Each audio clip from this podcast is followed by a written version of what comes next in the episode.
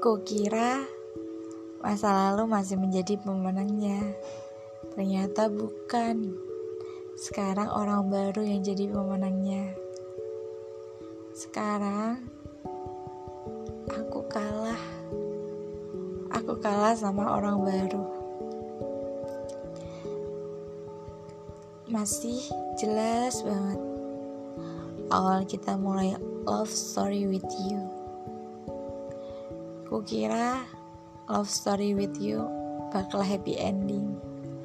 Ternyata tahun ini endnya sad banget. Jejak kenangan kamu aja masih teringat jelas. Dipaksa pun aku harus cepat untuk menghilangkan ingatan itu semua.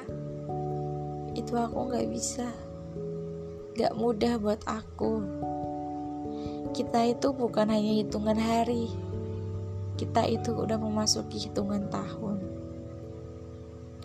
Bagaimana aku bisa ngertiin semua tentang kamu, cara ngadepin mood kamu. Aku paham akan itu semua. Tapi lagi-lagi aku kalah. Kalah sama orang yang baru.